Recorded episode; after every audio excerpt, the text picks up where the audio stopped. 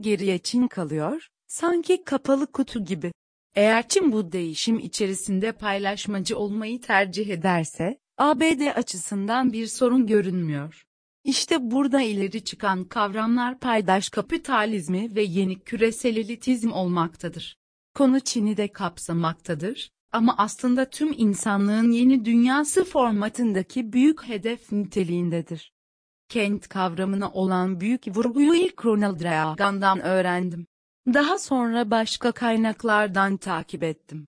Küresel düşünceleri yerli yerine koyarken küçük bir ayrıntı var. Kentler bahsinden kasıt küresel mega kentlerin merkezleridir. Kent konusunu Henry Kissinger de atlamamış, Dünya Düzeni isimli kitabında hatırlatıyor. O zaman Kissinger'in bilmediği yok. Küresel elitleri de biliyor. Gelecekte inşa edilecek yeni dünya kurgusunu da, ama bugün için sadece politik liderlere dem vurarak bu merhalenin hasarsız atlanmasından yana görünüyor. Reagan 1989'da görevden ayrılırken gerçekleştirdiği veda konuşmasında Amerika'ya yeni bir vizyon veriyor. Tüm siyasi yaşamım boyunca parlayan bir kentten söz ettim ama bunu söylerken ne kastettiğimi yeterince aktarabildim mi bilmiyorum. Ama benim aklımdaki okyanuslardan daha güçlü kayaların üzerine kurulmuş, sert rüzgarların estiği, Tanrı'nın kutsadığı ve uyum ve barış içinde yaşayan hür türden insanla dolu azametli bir kent.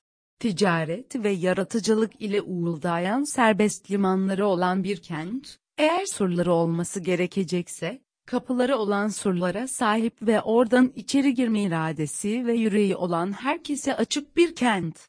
Onu böyle hayal ettim ve hala da böyle hayal ediyorum. 8.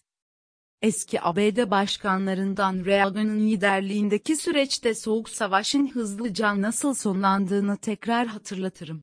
Aslında Berlin duvarı yıkılınca da dünya bir dönüşüm yaşadı, öyle değil mi? Şimdi de aynı ama şartları bugünün konularına bağlayarak ifade ediyorum, ABD dönüşür ve dönüştürür. Peki bu kent konusu nedir? Biraz daha değineyim. Bu tek bir kent değildir. ABD, Çin, Avrupa, Rusya, Hindistan veya diğer kıtalardaki önemli ülkeler için küresel mega kentler ağ şeklinde düşünürseniz, bunun yönetiminin ise paydaş kapitalizm ve yeni küresel elitizm olduğunu tespit ederseniz, Reagan'ın kastettiği tanrısal hayalin ne olduğunu anlamış olursunuz. O halde beklemeyin, ABD yıkılmaz, değiştirir. Bir bakarsınız içinde yeni her şey var ve bu yeni bir dünya düzeni. Stratejik bakışı örneğin 100 yıla ait açıklarsanız, örneğin yıl 2123 derseniz, mevcut gelişme sahnağında ve bu hızla daha neler olabilir diye sorarsanız, ben de size şimdi bildiklerinizi unutun derim. Üstelik Kissinger'in liderlik dediği bugünün sorunlarını çabuk ve hasarsız geçebilmemiz için bir yol göstermeden ibarettir. İlerilere bakın, şimdiki ülkelerin sınırları, az çok benzer biçimde, kalabilir, ormanlar, madenler, çiftlikler, bunların yerel idarecileri, ama yapacağınız stratejik tarifinize bu dijital çağın etkisiyle oluşan anlayışların ve sonuçların yaşamı etkileyen tüm ögelerini görmezden gelmeyin. Eğer böyleyse buna liderlik edenler kimler? İşte sizi bu noktaya getirmemin nedeni budur. Kissinger'in tarif ettiği liderler arasında bu tür yeni liderler, dönüşümü belirleyen ve hızlandıran liderler yok. Ama o biliyor. Sonuçlar, orta ve üst sınıfların olgunlaşmadığı toplumlarda demokrasi, liyakat ve meritokrasi gelişmiyor. Aristokrasinin kalıntılarına duyulan bağlılık ve geçmişe özlemle beslenmiş tutuculuk kendi içinde bir çıkmaz oluşturuyor. Böyle liderlik ortamlarında örneğin nepotizm, popülizm ve kleptokrasi gibi istenmeyen gelişmeler yaygınlaşıyor. Toplumlara öncülük etmek adına yukarılarda asla olmaması gereken şahsiyetlerin çarpık ve hızla yükselişleri görülebiliyor. Böylesi gelişemeyen ortamlardaki kısır döngünün neticesinde elbette orta sınıf güçlenemiyor, sosyal adalet yara alıyor, demokrasi anlayışı güdük kalıyor. Yükselmesi beklenen yeni üst sınıf yeşerecek habitatı bir türlü bulamıyor. bazı noktalarda bilinçlice engelleniyor. Eğer bir ülkede orta sınıf yeterince güçlenmediyse siyasette de güçlü kurumlar inşa edilemiyor. Sendikalar, partiler vesaire böyle ortamlardaki meselelerin sosyoekonomik ve sosyopolitik açılımları oluyor.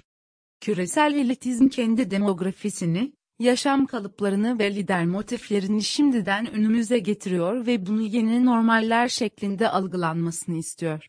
O zaman dünya liderlik anlayışıyla şimdiden kendi direnişçilerini hazırlıyor ki tarihte bu hep böyle olmuştur. Dönüştürenlerle direnişçiler aynı zamanda var olurlar. Güncel meseleler açısından ifade edersek, önümüze büyük sorunlar olarak konan, savaş, politika, uluslararası çatışmalar esasında bir dönüşümünde planlı yürütüldüğünün işaretleridir. Çin ve Rusya ile ABD ve ortaklarının yaşadıklarını görünce neler aklınıza geliyor? Meselelere, bu stratejik sorunları çözmeye veya daha da karıştırmaya kimler öncülük ediyor? Sorusu ile bakanlarınız vardır diye düşünüyorum.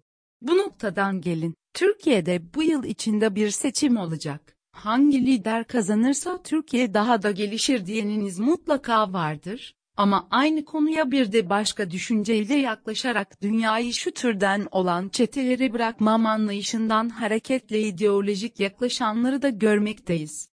O halde sonuçta size, bütün akıllar olması gerektiği gibi karışık, diyebilirim. Geleceği net mi görmek istiyorsunuz? Kendiniz lider olun. Not Fikri mülkiyet hakları gereği bu bilgileri referans vererek kullanabilirsiniz.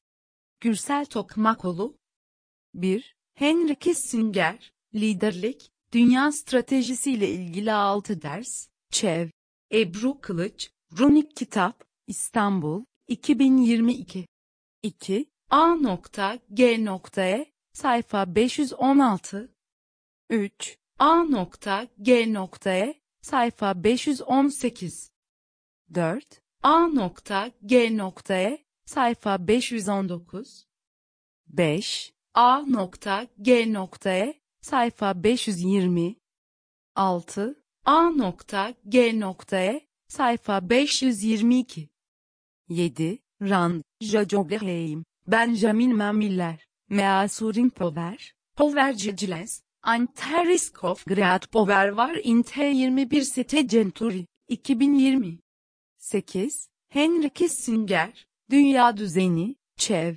Sinem Sultan Gül, Boyner Yayınları, Mayıs 2016, İstanbul, sayfa 339.